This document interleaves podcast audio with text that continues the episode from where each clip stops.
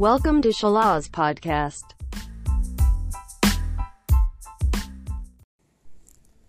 Bagaimana Allah menciptakan kita dan dari apa kita diciptakan? Allah telah menciptakan para makhluk dari satu unsur materi. Dia menciptakan malaikat dari cahaya dan jin dari api. Sedangkan manusia merupakan satu-satunya makhluk yang diciptakan dari dua unsur, yaitu jasad dan ruh. Jasad merupakan unsur luar yang menutupi fisik dan berangkat sedangkan ruh adalah unsur yang berada di dalam jasad tersebut. Masing-masing dari keduanya memiliki asa dan makanan. Jasad berasal dari tanah dan makanannya adalah setiap apa yang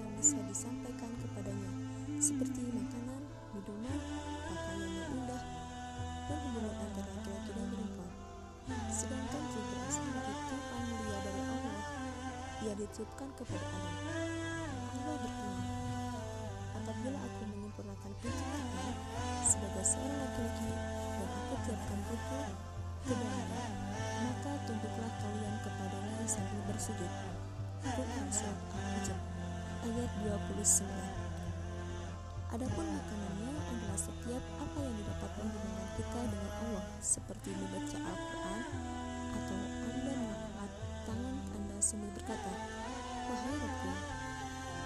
Ruh itu seperti kristal tipis bagi jernih.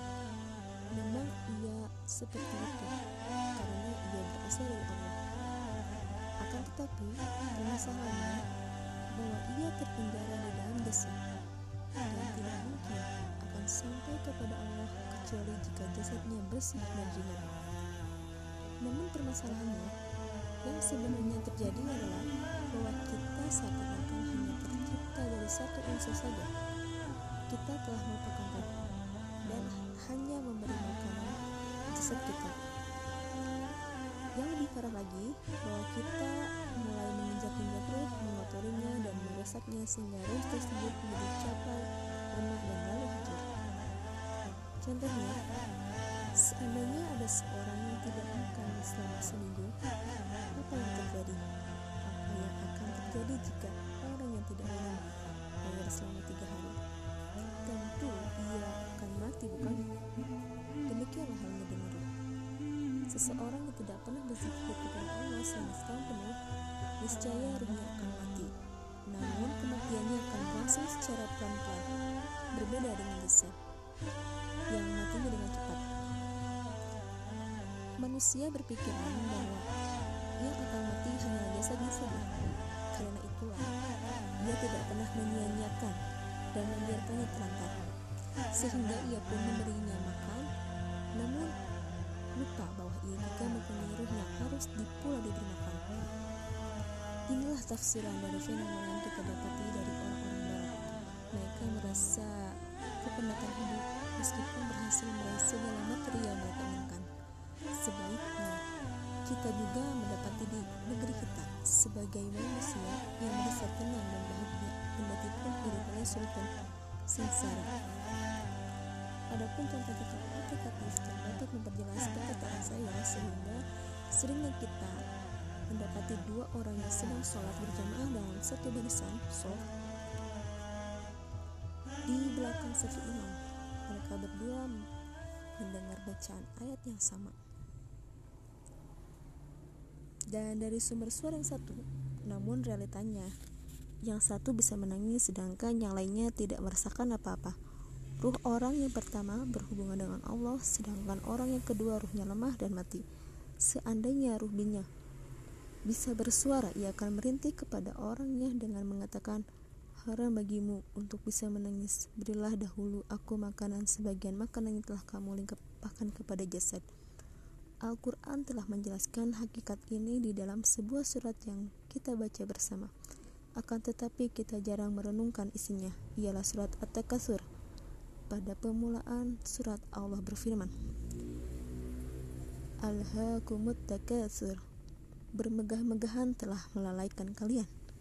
Maksud dari at-takatsur, bermegah-megahan di sini tidak hanya terbatas pada anak-anak saja, namun juga bermegah-megahan dalam harta benda, mobil, pakaian dan anak-anak. Sedangkan larangan yang ada dalam ayat ini bukan melarang kita dalam bermegah-megahan, sehingga membuat kita menolak materi. Akan tetapi, larangan di situ adalah larangan untuk tidak larut dalam bermegah-megahan. Artinya, sampai kapan bermegah-megahan akan membuat kalian lalai. Setelah itu, surat tersebut menjelaskan tempat kembalinya jasad. Hatta zurtumul maqawabir. Sampai kalian masuk liang kubur. Penghabisannya adalah liang kubur, sedangkan ayat-ayat selanjutnya mengancam orang-orang yang hidup demi memanjakan jasad mereka dengan lima ancaman. Yang pertama, kalla saufa ta'lamun. Janganlah begitu. Kelak kamu akan mengetahui akibat perbuatanmu.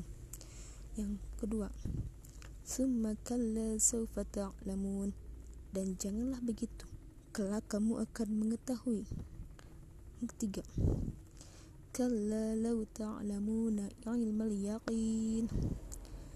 Janganlah kamu begitu jika kamu mengetahui dengan pengetahuan yang yakin. Empat, latar latarawunnal jahim niscaya kamu benar-benar akan melihat neraka jahim. Kelima, summa ainal yaqin dan sesungguhnya kamu benar-benar akan melihatnya dengan ainul yaqin. Summa latus'aluna yawma idzin anin na'im. Kemudian kamu pasti akan ditanyai pada hari itu tentang kenikmatan yang kamu bermegah-megahan di dunia itu. Dari sini muncul satu pertanyaan yang ditujukan kepada jiwa kita. Apa yang kita terjadi jika keseimbangan ini tidak ada?